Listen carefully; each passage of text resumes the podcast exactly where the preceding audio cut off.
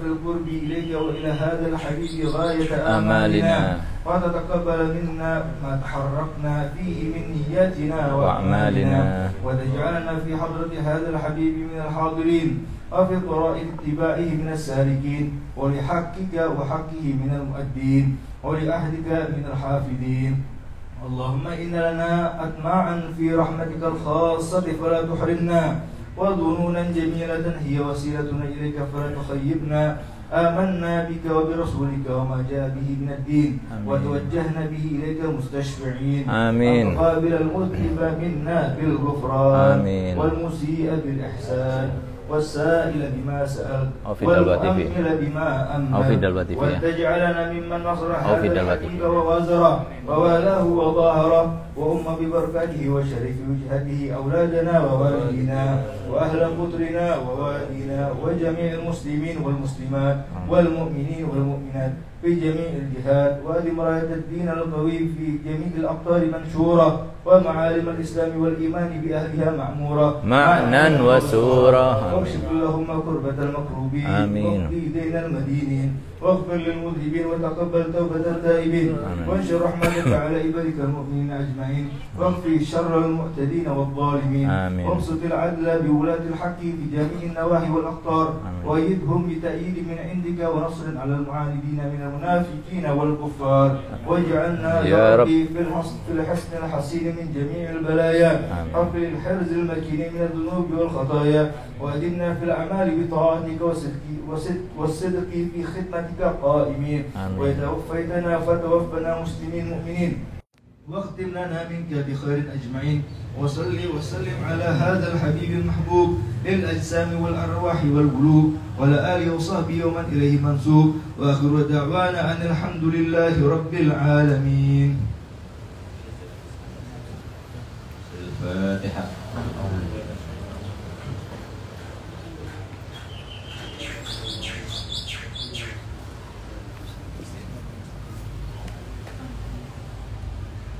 Pada malam ini insya Allah kita akan melangsungkan akad pernikahan dari Tafasis Balikkan lagi sini ya. Ustaz Muhammad dan Ustaz Hadali yang insya Allah pada malam ini kita akan langsungkan pernikahannya dan sudah ditokil kepada Al-Fakir eh, tepatnya pada malam hari setelah sholat isya semalam. Kami sudah menerima tokilnya. Insya Allah eh, kita akan langsungkan sekarang ini. Semoga membawa keberkahan kita semuanya dan kepada dalwa khususnya yang belum dapat jodoh semoga diberikan jodoh. Yang belum dapat eh, keturunan semoga Allah berikan keturunan dan semoga semuanya para alumni dalwa dan semua para pemirsa eh, yang mengikuti tayangan ini semoga mendapatkan kehidupan yang samawa dalam kehidupan rumah tangganya membawanya kepada ridha Allah amin ya rabbal alamin sebelum kita langsungkan akad pernikahan eh, kita akan baca khutbah nikah yang biasa dibaca oleh Nabi SAW ketika beliau mengawinkan putri tercintanya Sayyidatuna Fatimah Zahra dari Ali bin Abi Thalib. Ana wal marah. Wal marah. Enggak. Nawina nati bi khutbatin nikah misal ma nawahu ahluna wa aslafuna wa rijaluna yushuhna wa abauna salihun Allah yadkhil niyatana fi niyatihim wa a'malana fi a'malihim wa nasahdi arwahum at-tahir az-zakiyah fi hadzal majlis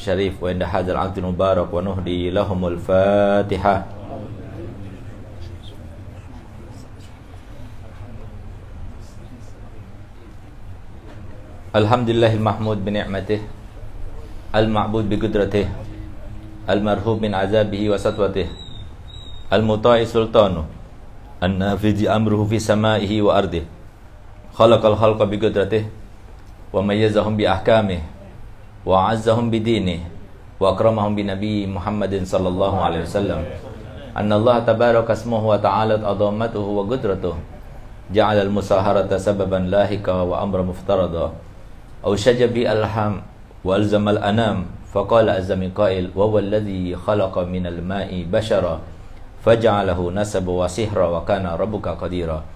فأمر الله يجري إلى قضائه وقضاؤه يجري إلى قدره ولكل قضاء قدر ولكل قدر أجل ولكل أجل كتاب.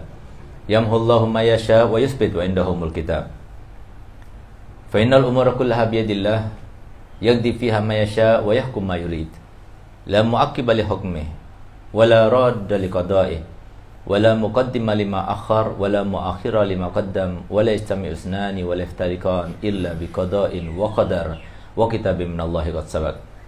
ثم إن الحمد لله نحمده ونستعينه ونستغفره ونعوذ بالله من شرور أنفسنا ومن سيئات أعمالنا. من يهدي الله فلا مضل له ومن يضلل فلا هادي له. وأشهد أن لا إله إلا الله وحده لا شريك له وأشهد أن سيدنا محمدا عبده ورسوله أرسله بالهدى ودين الحق ليظهره على الدين كله ولو كره المشركون.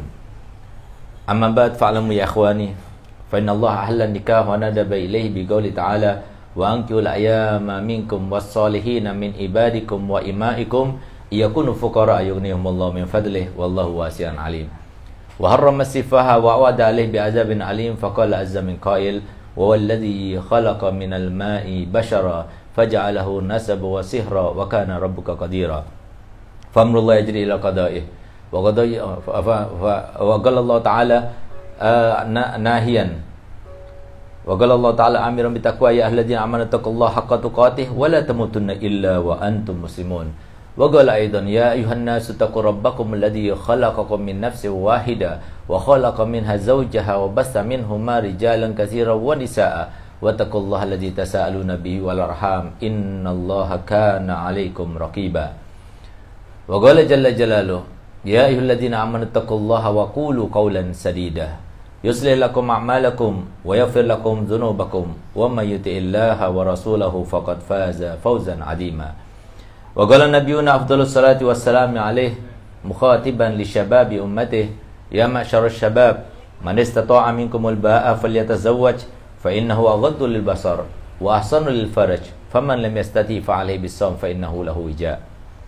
وقال صلى الله عليه وسلم تزوجوا ولا تطلقوا فإن الله لا يحب الزواجين ولا زواجات.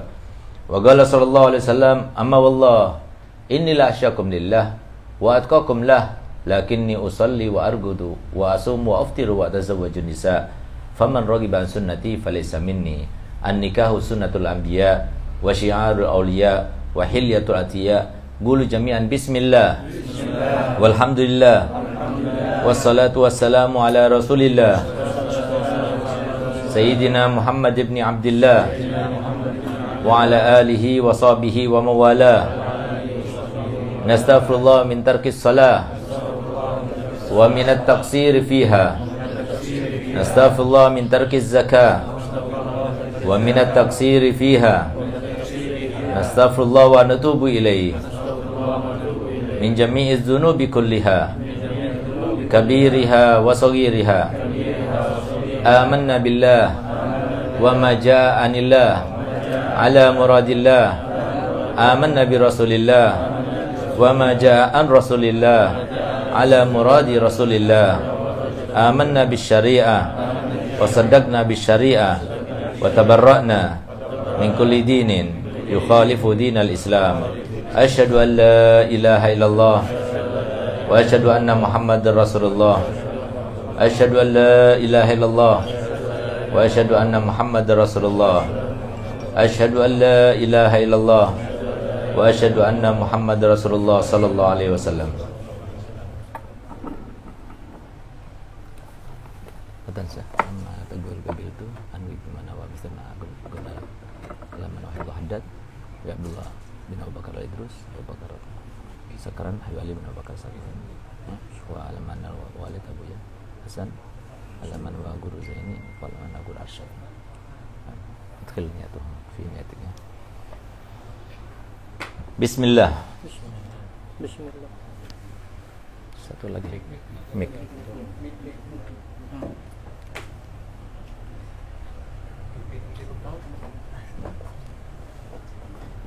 Bismillah. Bismillah. Walhamdulillah. Alhamdulillah. Wassalatu wassalamu ala Rasulillah. Wassalatu wassalamu ala Rasulillah. Sayyidina Muhammad bin Abdullah. Sayyidina Muhammad bin Abdullah. Wa ala alihi wa sahbihi wa wala. Wa ala alihi wa sahbihi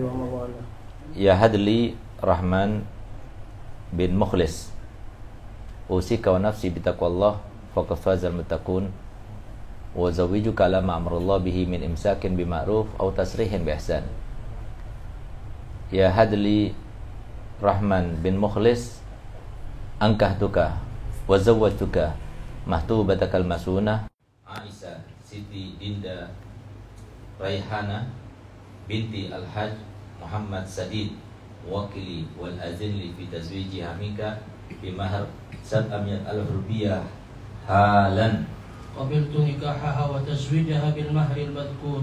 الله فيك بارك عليك بارك بارك الله لهم وبارك اللهم يا قوي يا قوي يا قوي يا قوي. آمين يا رب. قوي يا قوي تقدر الاسلام آمين يا رب. آمين.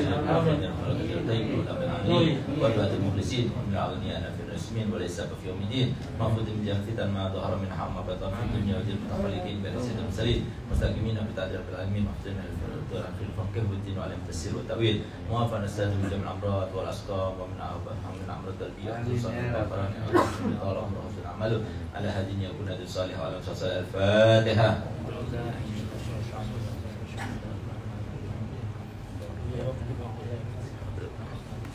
Alhamdulillah wassalatu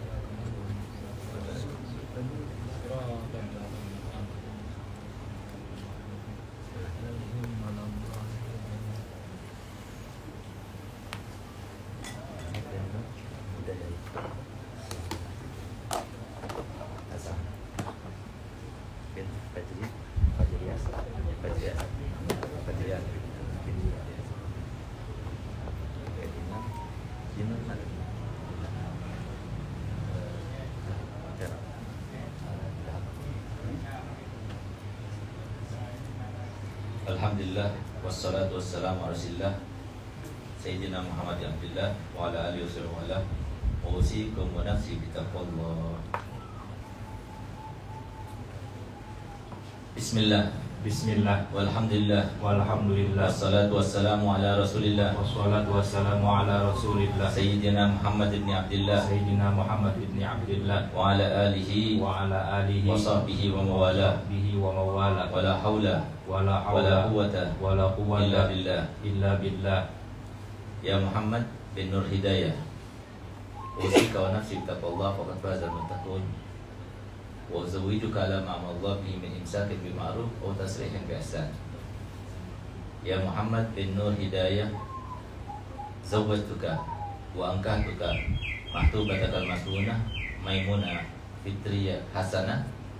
Binti Fajriyasa Muwakili wal azin li fi tazwijiha minka Bimahar wahid dinar Wa arba miya wa khamsin alaf rupiah Halan Qabiltu nikahaha wa tazwijaha bil mahril madhkur Barakallahu fiik.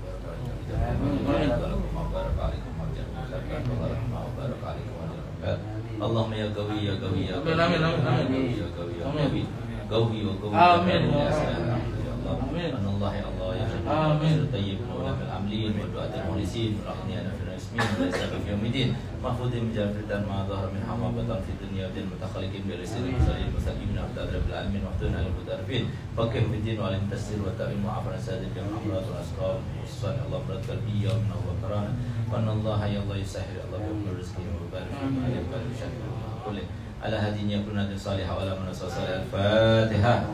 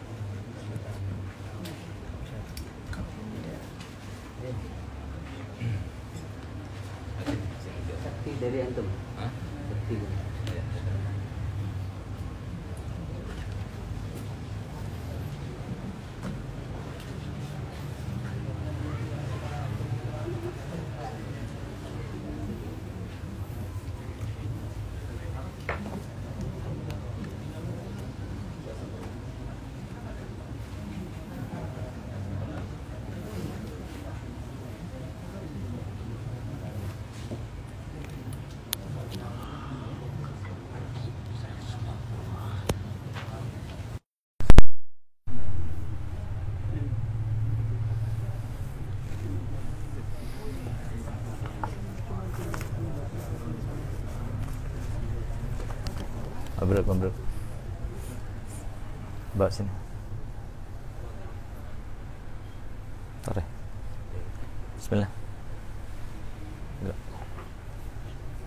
Bismillahirrahmanirrahim. Alhamdulillah rabbil alamin wassalatu wassalamu ala asyrofil mursalin sayyidina Muhammad abduhu wa rasuluhu wa ala alihi wa sahbihi ajma'in.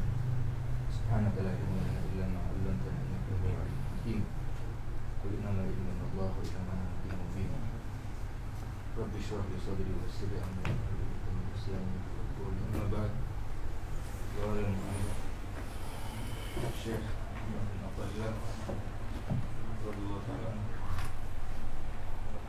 إلى أن قال شتان بين من يستدل به شتان. شتان بين من يستدل به أو يستدل عليه المستدل به عرف الحق لأهله فأثبت الأمر من وجود أصله والاستدلال عليه من عدم الوصول إليه وإلا فمات غاب حتى يستدل عليه ومات بعد حتى تكون الآثار هي التي توصل إليه.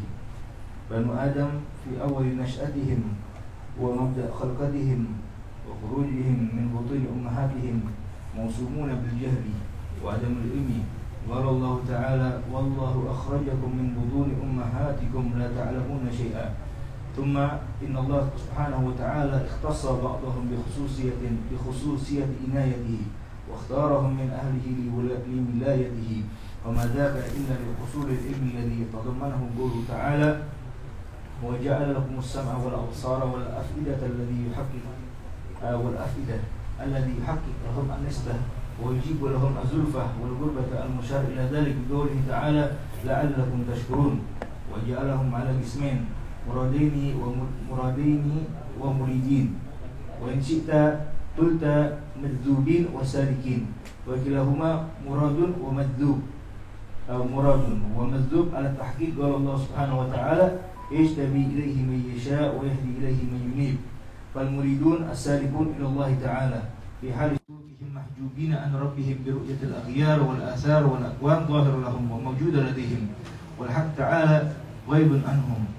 فلم يروه فهم يستدلون بها عليه في حال ترقيهم والمرادون المجذوبون وجههم وجه- وجههم وجههم الحق سبحانه وتعالى بوجه الكريم الأكرم وتعرف إليه وتعرف إليهم فعرفوه به فلما عرفوه على هذا الوجه انحجبت الأغيار عنهم ولم يروها فهم يستدلون به عليها في حال تدليهم فهذا هو حال الفريقين. وشتان ما بينهما أي بعد ما بينهما أي بعد ما بينهما. وذلك أن المستدل به على غيره عرف الحق الذي هو الوجود الواجب لآله وهو المختص بوصف الكدم وأثبت الأمر المشار به إلى الآثار الآدمية من وجود أصله المشار به إلى المؤثر المتحقق وجوده. والمستدل بغيره عليه على عكس ما ذكرناه لأنه استدل بالمجهول على المعلوم وبالمعدوم على الموجود. وبالأمر الخفي على الظاهر الحبل وذلك لوجود الحجاب ووقوفه مع الأسباب وعدم اخت- وعدم اختلائه بالوصول والإقراب وإلا فمتى غاب حتى يستدل عليه بالأشياء الحاضرة؟ ومتى بعد حتى تكون الآثار القريبة هي التي توصل إليه أو متى فقط حتى حتى تكون الآثار الموجودة هي التي تدل عليه؟ وأنشد عجبت لمن يبغى عليك شهادة وأنت وأنت الذي أشهدته كل مشهد. وقال في لطائف المنن واعلم أن الأدلة إنما تنصب لمن يطلب الحق لا لمن يشهده لأن الشاهد غني بوضوح الشهود أن, أن, يحتاج إلى دليل فتكون المعرفة باعتبار توصيل الوسائل إليها تسبيح ثم تعود إلى نهايتها ضرورية. وإذا كان من الكائنات ما هو غني بوضوحه عن إقامة دليل فالمكون أولى بغناه عن دليل عن دليل منها. قال ومن أعجب العجب أن تكون ومن أعجب العجب أن تكون الكائنات موصلة إليه. فليت شعري هل لها وجود معه حتى توصل إليه؟ أو هل لها من الوضوح ما ليس له حتى تكون حتى تكون هي المظهرة له؟ وإن كانت الكائنات موصلة إليه وليس لها ذلك من حيث ذاتها لكن هو الذي هو الذي ولاها. رتبة التوصيل فوصلت فما وصل إليه غير غير إلهيته ولكن الحكيم هو واضع الأسباب وهي لمن وقف عندها ولم تنفذ قدرته عند الحجاب. ينفق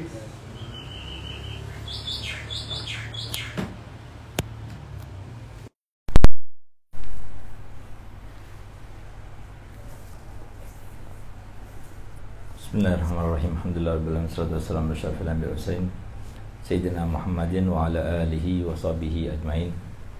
Subhanaka la ilma lana illa ma 'allamtana innaka antal alimul hakim. Rabbi shrah li sadri wa yassir li amri wa hlul 'uqdatam min lisani yafqahu qawli. Amma ba'du. Faqala ma'alif rahimahullah ta'ala wa nafa'na bihi wa bi fidrain amin.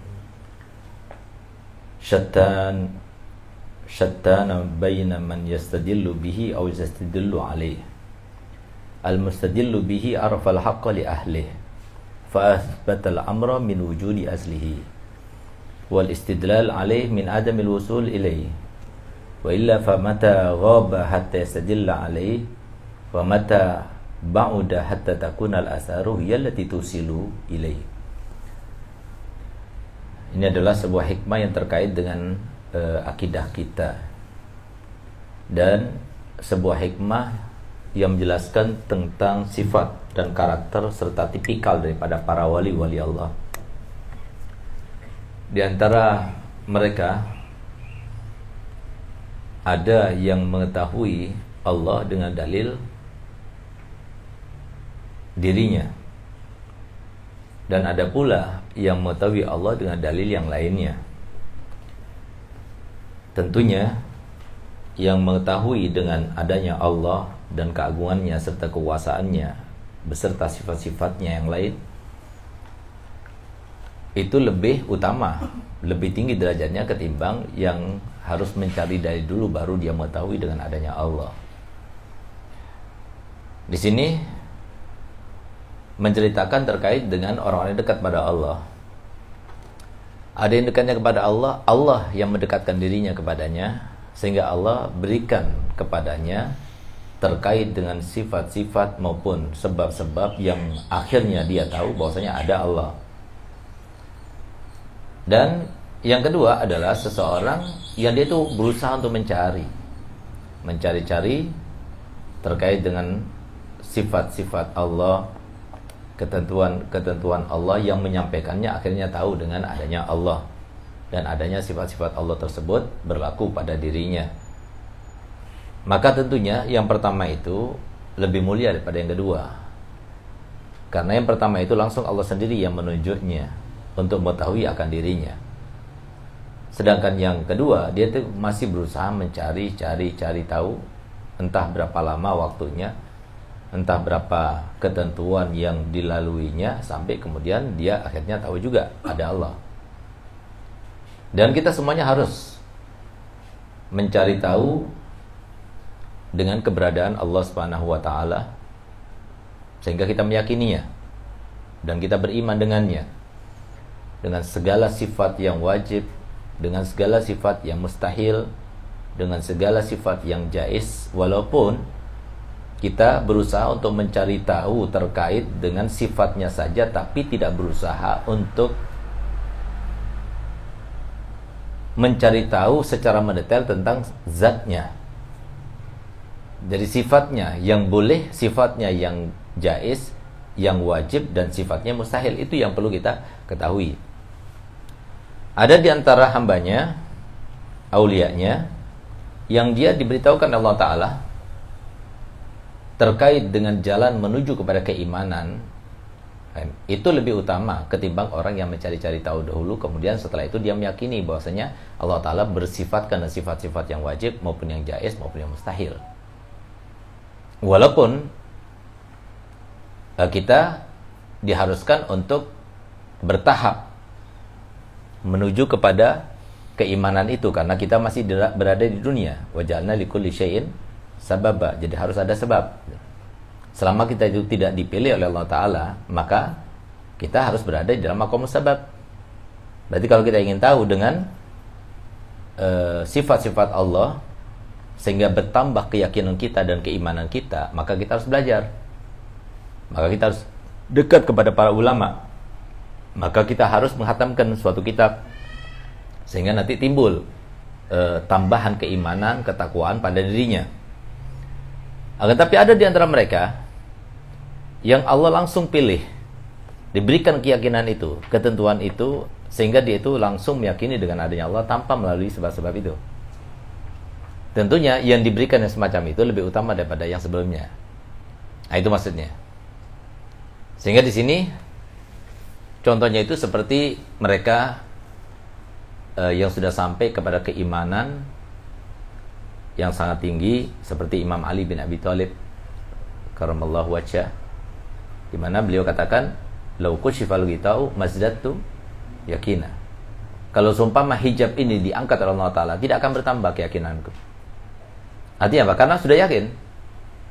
Jadi misalnya apa? Seperti sekarang ini, kita yakin nggak kalau sekarang ini malam hari?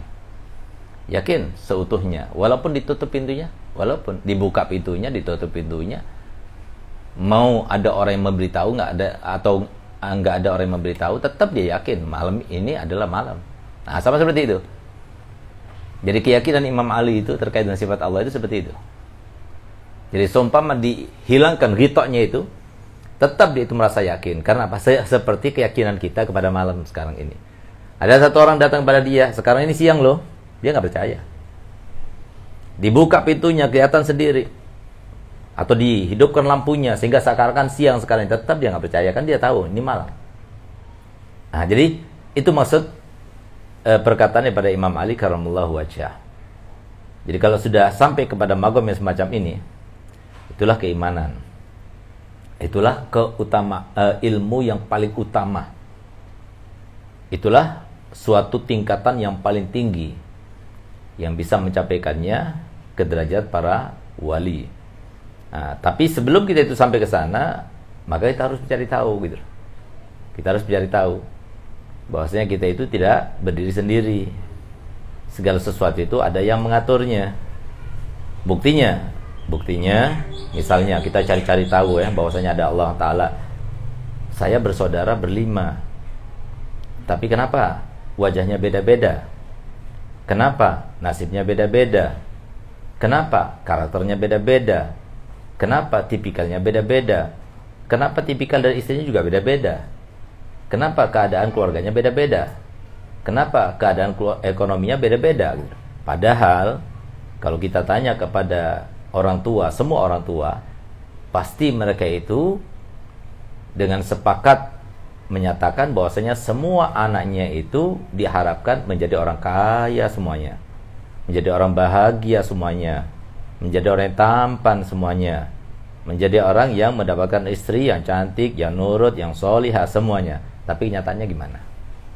Kan tidak. Ah, berarti apa? Oh, berarti ini bukan manusia ini nggak bisa di planning oleh manusia. Berarti ada zat yang mengatur di sana. Siapa dia? Allah. Nah, itu di antara caranya itu seperti itu melihatnya. Itu pula terkait dengan rezeki. Kalau kita boleh berkata jujur, siapa pun kita, baik sebagai seorang alim, seorang pedagang, seorang pengusaha, seorang petani, ya. jadi apa yang kita dapatkan itu daripada rezeki yang Allah berikan itu keluar daripada apa yang telah kita canangkan sebelumnya, apa yang kita planning. Misalnya kita ketemu sama orang dia itu kaya, tanyakan, apakah kekayaan kamu yang sekarang ini kamu dapatkan dari Allah Taala itu sesuai dengan planning kamu dari semenjak muda? Jawabannya pasti tidak. Kalau dia jujur, dia akan mengatakan tidak. Dulu aku ingin jadi orang kaya dari segi ini, nggak taunya gagal. Udah itu ada yang menawari ini, mungkin kemudian ketemu sama orang ini dan sebagainya akhirnya terbuka sebab-sebab akhirnya dia jadi kaya gara-gara itu apa hal itu tidak meng meng mengungkap sesuatu bahwasanya sesuatu itu adalah yang berkuasa, yang menentukan, yang mentakdirkan, yang men-setting di atas settingnya dia gitu. Siapa sih di antara kita yang mau hidup tidak bahagia? Siapa sih di antara kita yang mau hidup dalam keadaan miskin? Siapa sih di antara kita yang mau hidup dalam keadaan sehat, dalam keadaan sakit? Semuanya mau sehat. Makanya sampai jaga imunitas, ya kan? Makanya sampai berolahraga, makanya sampai minum vitamin. Tapi kok sakit juga? Nah, berarti apa?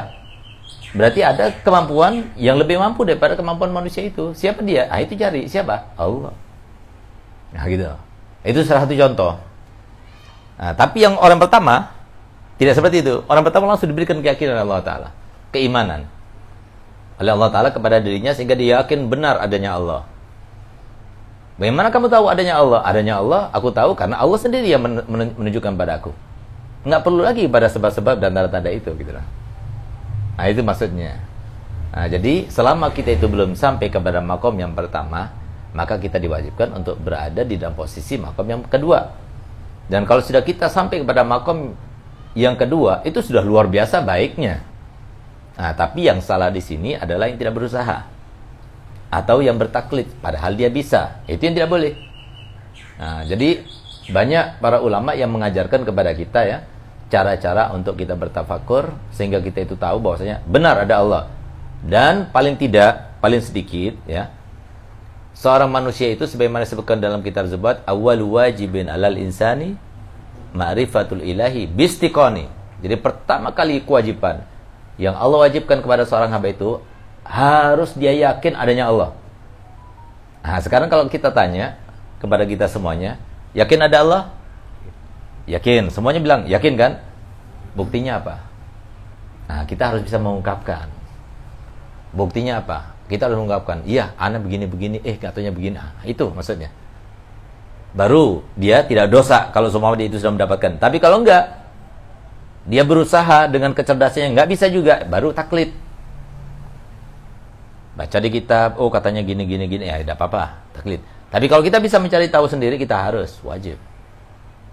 Karena itu kewajiban yang pertama sebelum kita itu uh, sholat, zakat dan sebagainya. Itu kewajiban pertama adalah kita harus meyakini dengan adanya Allah. Dengan kita mengerahkan segala daya dan upaya, usaha untuk kita mengetahui bahwasanya di sana ada Allah yang menentukan segala hal. Kita lihat di antaranya ya, untuk kita itu memperbanyak uh, khazanah uh, bagaimana kita itu berpikir dan menggunakan daya pikir kita untuk mengetahui dengan adanya Allah. Kita lihat wajah kita beda-beda. Ya. Ada yang ganteng, ada yang biasa. Bahkan antara ayah dengan anak kadang-kadang beda gitu. Entah nggak tahu gantengan siapa ayahnya apa anaknya antara saya dengan dia Alawi gitu ya. Nah, tapi kita lihat kenapa ayahnya begini, wajahnya kenapa anaknya seperti ini gitu. Lihat sana. Nah, gitu biar kelihatan jelas gitu. Nah, nah, jadi biar kita paham. Ya, biar kita paham. Nah, ini ayahnya, ini anaknya. Ya kan? Nasibnya beda. Tipikalnya beda. Padahal disebutkan dalam sebuah kaidah man abahu fama dalam. Orang yang menyerupai ayahnya itu tidak zalim, artinya tidak salah. Namanya juga anaknya. Faham? Orang tuanya alim, biasanya anaknya alim juga Orang tuanya lihai, biasanya anaknya lihai juga. Orang tuanya itu akhlaknya baik, biasanya anaknya juga akhlak baik juga. Tapi kalau seumpama tidak seperti itu, itu baru yang dalam itu. Ya kan? Ah, kok bisa? Nah, di sinilah makanya Sayyidina Syekh Abdul Wahab Asy'arani, sahibu kitab Al-Mizan rahimallahu rahmatul abrar, yang dia salah satu contoh ulama yang mendapatkan ilmu laduni. Dia katakan pertama kali seseorang mendapatkan ilmu laduni, maka Allah akan bukakan kepadanya ilmu pada malam itu saja itu 15 macam ilmu. Paling rendahnya ilmu tersebut dia tahu berapa butiran pasir ada di muka bumi semuanya. Apalagi cuma orang, apalagi cuma burung, apalagi cuma ikan dan tambak dan sebagainya, tahu dia semuanya.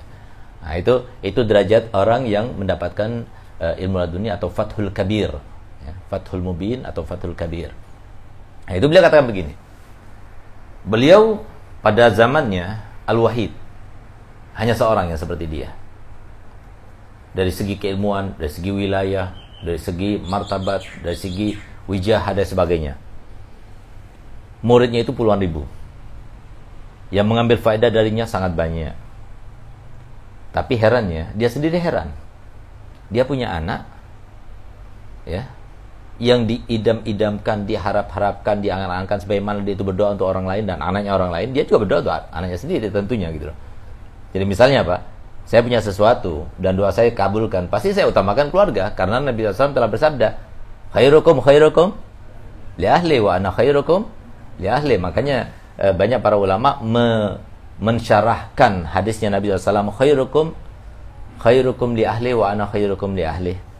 Dari hadis itulah hadis yang paling besar diambil kesimpulan bahwasanya para habaib itu adalah yang paling besar kesempatan mendapatkan syafaat dan perhatian Nabi Muhammad SAW. Tidak ada manusia yang bagaimanapun macam apa pun yang lebih dekat dengan syafaatnya Nabi, perhatiannya Nabi, anugerahnya Nabi melebihi daripada keluarganya sendiri. Kenapa? Karena Nabi SAW mengatakan, "Fa'ana khairukum khairukum li ahli wa ana khairukum li ahli. Aku ini adalah terbaik di antara kalian kepada keluarga aku. Masa iya sih? Nabi yang diberikan mandat oleh Allah Ta'ala syafaatul udma kemudian memberikan syafaat kepada bahkan umat-umat yang lainnya lalu kemudian membiarkan keluarganya sendiri hasya wa hanya itu saja yang bisa dijadikan sebagai uh, harapan yang besar bagi keluarga Nabi tidak ada jaminan memang gitu nah, jadi pastinya kalau saya punya sesuatu saya utamakan keluarga saya doakan orang lain, saya doakan anak-anak orang lain. Tapi kenapa kok anak saya sendiri kok nggak taat kepada saya? Nah, ini ini biasanya penyakitnya ustadz-ustadz ini. Nah, Alhamdulillah pada malam ini eh, ada sebagian para asatidah yang mereka belajar langsung daripada Abu ya. Ada Ustadz Ismail ya.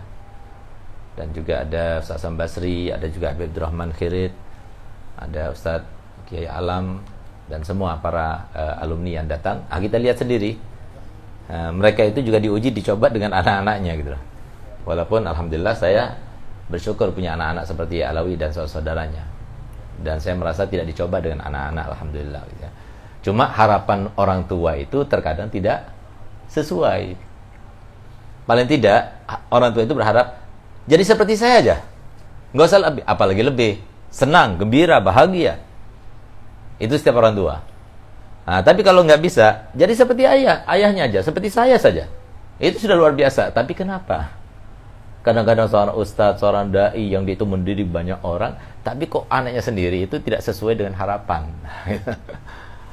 Pem, kenapa anak saya bisa berubah? Karena pengasuh itu. Karena dai itu, berapa banyak orang yang dengarkan ceramahnya, langsung berubah, dapat hidayah, dapat taufik. Kok justru anaknya sendiri nggak berubah? Menunjukkan apa itu? Ah, berarti apa? Bukan dia yang merubah. Bukan dia. Yang memberikan hidayah itu adalah Allah. Lalu kenapa Allah Ta'ala tidak memberikan hidayah kepada kepada anak-anaknya orang alim dan kepada istrinya misalnya? Ya, insya Allah mereka bakal dapat hidayah semuanya walaupun setelah berselang beberapa waktu. Untuk apa? Supaya dia tidak merasa bahwasanya segala apa yang dia lakukan daripada kiprah dakwanya itu Bukan isi dakwahnya, tapi ya Allah yang berkehendak. Buktinya anaknya sendiri nggak berubah. Buktinya istrinya sendiri nggak berubah. Nah, gitu loh. Ah, diingatkan dia. Ah, bukan ente yang berubah. Bukan ente yang diterima dakwahnya. Bukan ente yang menyadarkan orang lain. Bukan Allah. Nah, buktinya ente anak ente sendiri nggak berubah. Ente nasihati juga nggak bisa. itu loh maksudnya. Siapa yang menggerakkan itu? Allah. Lagi-lagi Allah. Nah, itu di antaranya caranya itu kita mengetahui seperti itu. Nah, oleh karenanya disebutkan awwalu ma yuhramu barakatul alim ahluhu waladu. Pertama kali akan diharamkan keberkahan orang alim itu itu adalah anak dan istrinya dari beberapa segi itu. Yang pertama supaya dia itu sadar teguran dan peringatan daripada Allah SWT bahwasanya yang memberikan hidayah bukannya dia. Fem. Sarananya iya, tapi sebagai faktor utama yang memberikan hidayah bukan dia jangankan kita gitu ya Nabi kita Muhammad SAW sendiri beliau itu ditegur oleh Allah Taala dalam Al-Quran innaka la tahdi man ahbabta walakin Allah yahdi may yasha Ya sesungguhnya engkau wahai Muhammad tidak akan bisa memberi petunjuk siapa pun yang kau cintai, siapa pun yang kau sukai, tapi hanya Allah yang berkehendak. Hanya Allah yang memberikan petunjuk. Jadi kalau sudah Nabi Muhammad tidak bisa, apalagi kita-kita. Nah, oleh karenanya, apa yang harus kita lakukan seperti yang dilakukan oleh Syekh Abdul Wahab Al-Syarani. Apa yang salah pada diriku? Aku sudah berusaha berdakwah dengan seikhlas mungkin. Aku sudah mengajarkan anak-anak saya. Aku sudah tunjukkan perilaku saya supaya ditiru olehnya.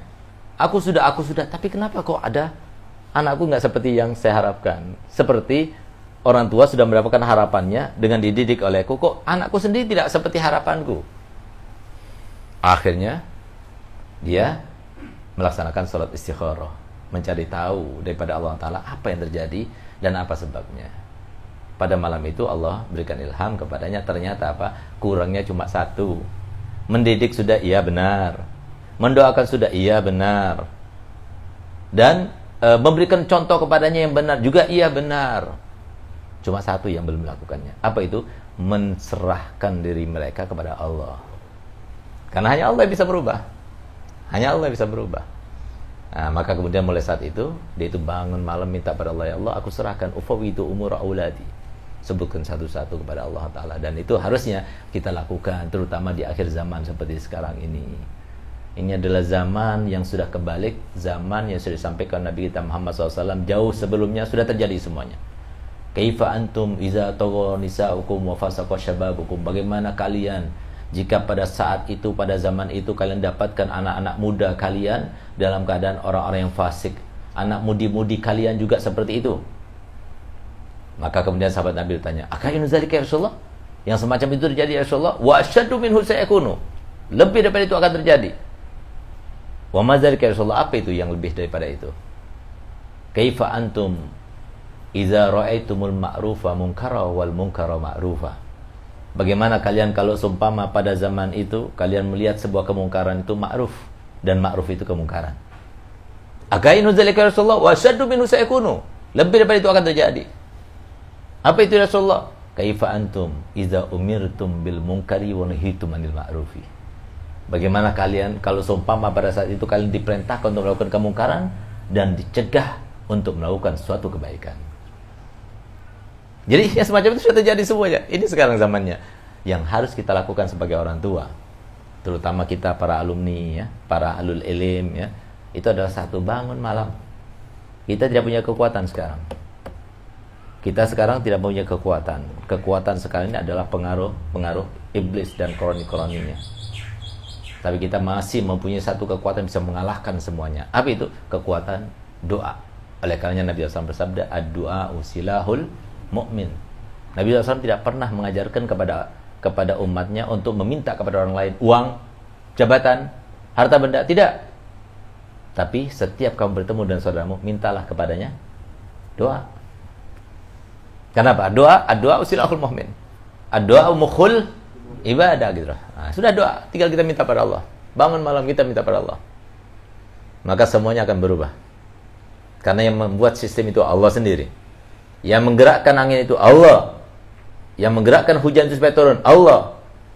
Yang mengatur hujan itu supaya banjir atau tidak banjir Allah. Yang mengatur rezeki itu mandek atau tidak mandek Allah. Semuanya milik Allah. Sedangkan manusia itu semuanya itu diatur oleh Allah Ta'ala. Itu pun juga supaya menjadi teguran. Sehingga Allah Ta'ala kemudian dalam Al-Quran, Duharul fasadu fil barri wal bahri bima kasabat. Aidin nas linuzikahum ba'dal ladhi amilu la'allahum yarji'un.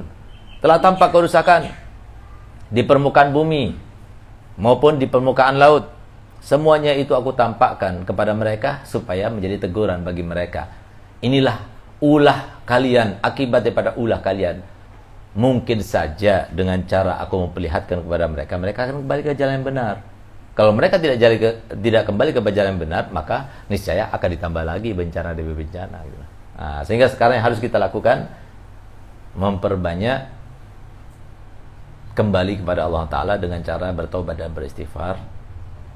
Dan yang kedua adalah berdoa kepada Allah Taala, terutamanya pada malam hari. Itu yang harus kita lakukan. Oleh karenanya, subhanallah apa katanya Syekh Abdul Wahab?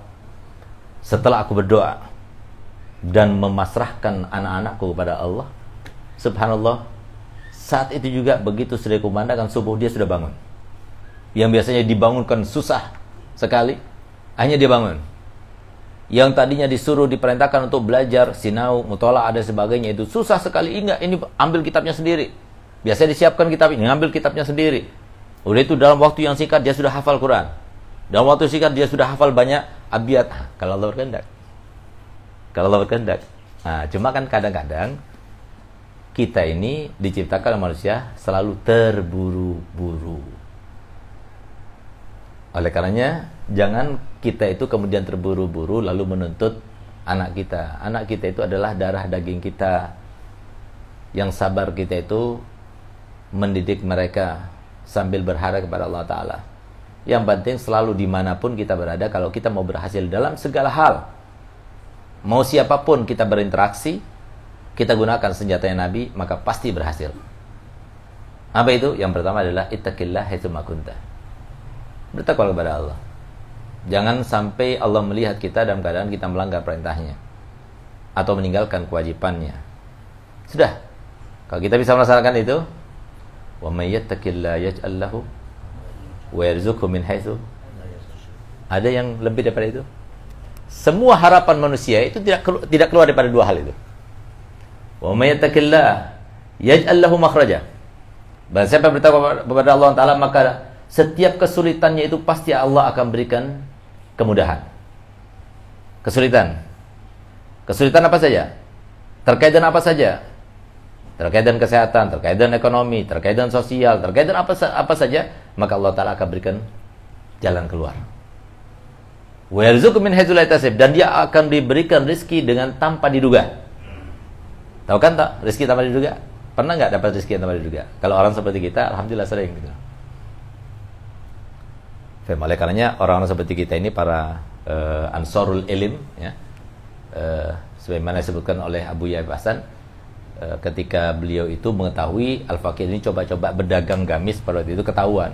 Diturunkan ada satu dua kodi waktu itu saya eh, apa? kulaan dari Jakarta ketahuan waktu menurunkan dari mobil. Nah, ini tegar tanya, "Eh, itu apa itu?" Apa itu gitu. Iya, Bi. Itu dagangan coba-coba mau jualan gitu. Apa katanya Abu Ya Hasan? Gitu. Berapa itu harganya? Mau dijual berapa? Sekian. Ya sudah, anak Abi yang beli semuanya. Dibagi-bagi sama Abu ya. Dia bilang ini terakhir ya, jangan jualan lagi. Gitu. Subhanallah, kalau saya mau coba jualan, akhirnya Pak rugi. Makanya jangan kerja sama sama saya. Kalau jualan, tapi kalau investasi bentuknya alhamdulillah jalan gitu. Nah, jadi, tapi kalau soal jual beli itu nggak pernah. Jadi kalau anak saya yang jualan, ayo coba dijualkan, dipasarkan, cepat. Tapi kalau saya masarkan, nggak laku-laku. nah, kenapa? Karena sifat daripada rezeki kita itu sudah dicanangkan Allah Ta'ala, dipastikan itu sistem yang berlaku. Nggak mungkin luput, nggak mungkin salah. Apa itu? Wa may yattaqillah yaj'al lahu makhraja wa yarzuqhu min haitsu jadi rezeki kita min haitsu la yahtasib. Kalau kita menduga, wah ini biasanya orang kaya nih, oh ini biasa ngasih ini. Nggak bakal datang. Pernah saya kedatangan tamu, ya. Kecil orangnya. Kecil orangnya.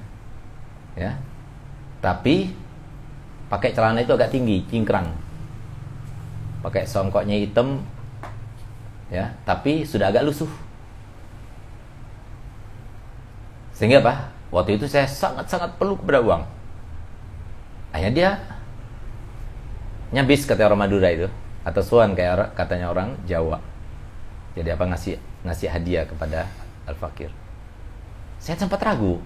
Eh betul nggak ini? Tebel banget gitu. Orangnya seperti itu, pakaiannya seadanya dan sebagainya. Hanya ya, terima kasih ya, terima kasih. Terima kasihnya ragu masih. Mau terima kasih banyak apa terima kasih sedikit? Hanya saya masukkan. Tapi masih ragu. Ah, nggak mungkin. Nggak mungkin. Ini tebel, ini kayaknya lima ribuan atau seribuan. Jadi tebel gitu. Subhanallah, begitu saya bawa, saya buka, eh, ternyata merah semuanya. Nah, inilah katanya. Allah Ta'ala, kan saya yakin. Jadi kalau saya waktunya tidur, tidur. Istirahat, istirahat. Mau orang datang segepok bawa uang, tetap waktunya istirahat saya nggak terima. Jadi dari jam 2 sampai jam 5, ah, nggak, nggak usah cari anak. Nah, tapi alhamdulillah kalau rezeki nggak ke mana-mana.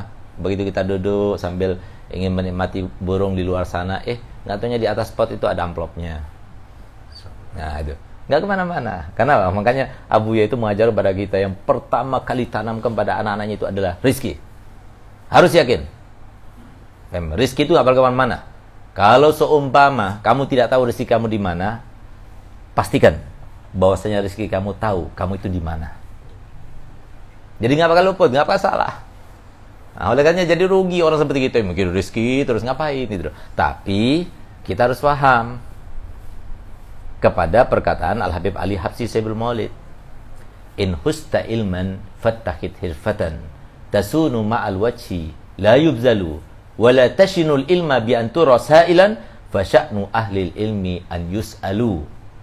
Kalau kamu sudah menjadi seorang ahlul ilim, maka kalian itu harus cari pekerjaan, tapi jangan jadikan sebuah sebuah mata pencarian yang utama.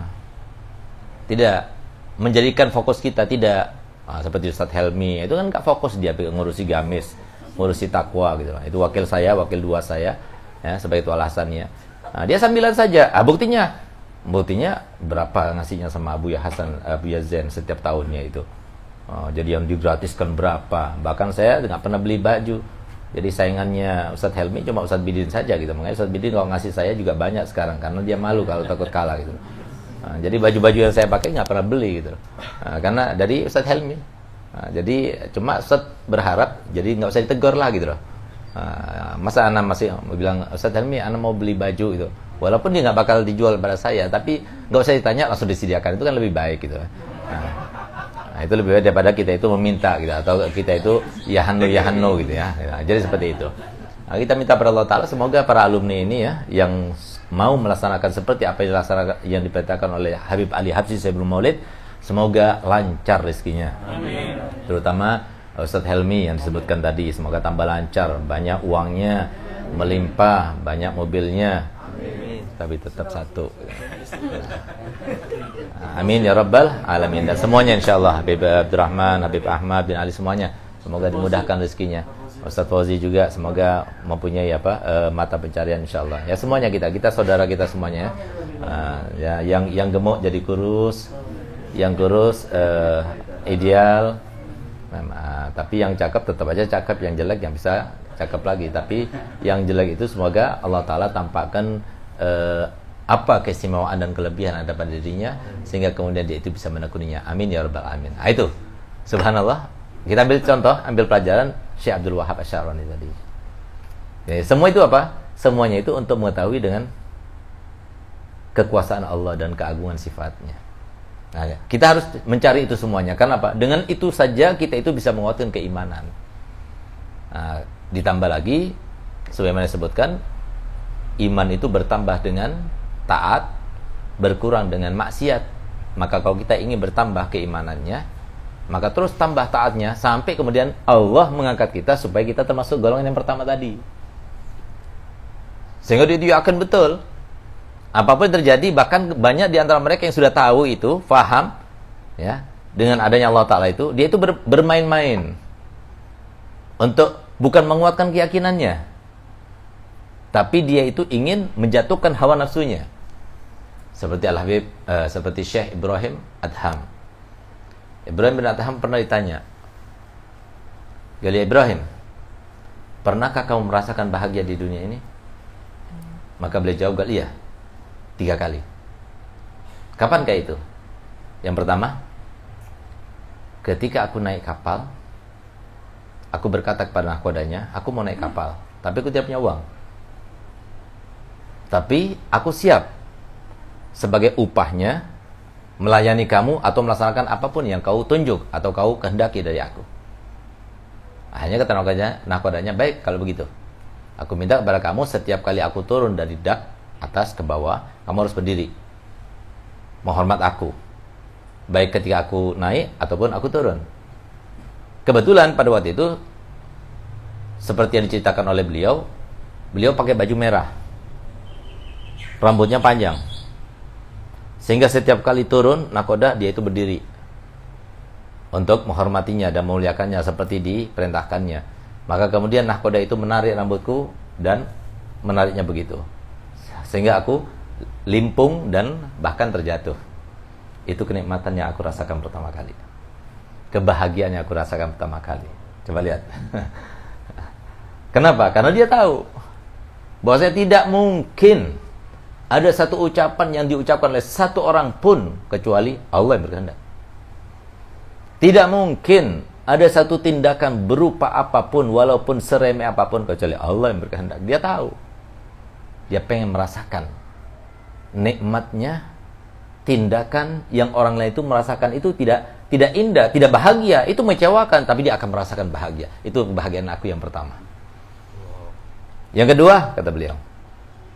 Yang kedua, ketika aku bertemu dengan seorang tentara, seorang pemuda, seorang prajurit kerajaan dengan congkaknya dengan kudanya yang besar dan persenjataan yang lengkap. Dia tanya di manakah keramaian aku tunjukkan.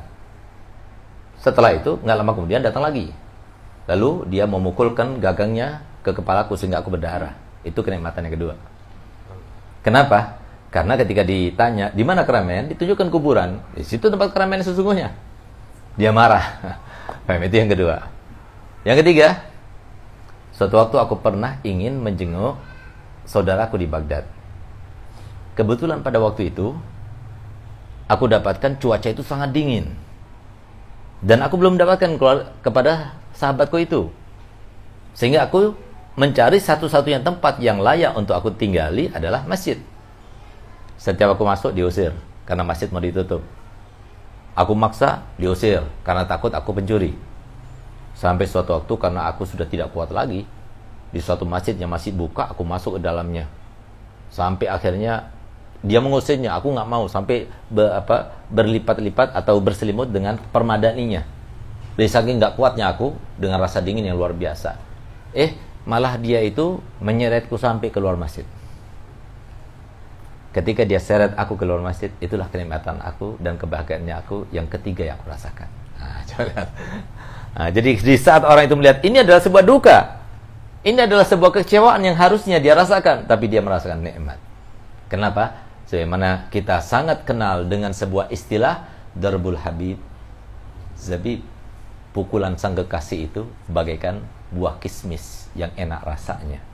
Kalau kita belum bisa merasakan semacam itu Allah. Maka kita belum bisa merasakan keimanan yang sesungguhnya.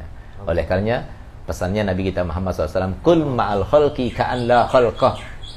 Jadilah kamu itu bersama makhluk. Terkait dengan makhluk Seakan tidak ada makhluk Tapi ada Allah Siapa lagi? Hanya engkau.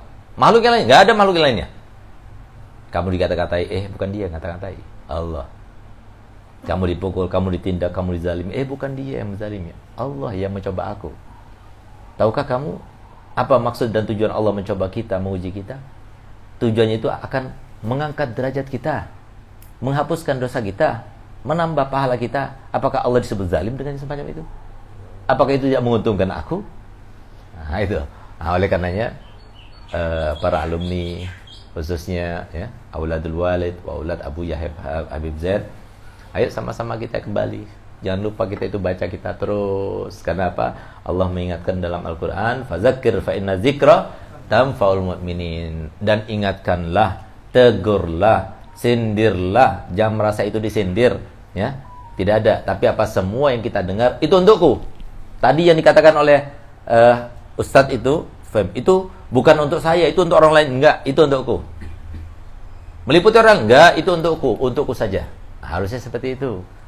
Nah, itu adalah seorang yang profesional. Orang yang proporsional itu seperti itu. Dia itu mengakui kelebihan orang lain dan mengakui kekurangan diri sendiri. Jadi kalau ada semacam itu, ini untukku. Gitu. Coba lihat bagaimana uh, Sayyidina Husain karamallahu uh, radhiyallahu anhu putra Sayyidina Ali bin Abi Thalib karamallahu wajah di mana beliau suatu waktu ketika dia itu berangkat menuju ke masjid bersama para pecintanya melalui lorong-lorong kota Madinah, tiba-tiba datang seorang Yahudi, bukan Muslim Yahudi. Dihentikan perjalanan beliau, diperintahkan untuk turun dari kudanya, turun. Itu dia turun, dia langsung tempeleng. Nah, coba lihat. Dia di, di depan murid-muridnya. Fem, di saat-saat dia itu mulia, dalam keadaan dihormati, diturunkan oleh Yahudi, dia turun tanpa ada sebab musabab sebelumnya bukan karena kesalahan dirinya eh ditempeleng mukanya. Coba lihat bagaimana kita merasakannya kira-kira kalau itu terjadi pada kita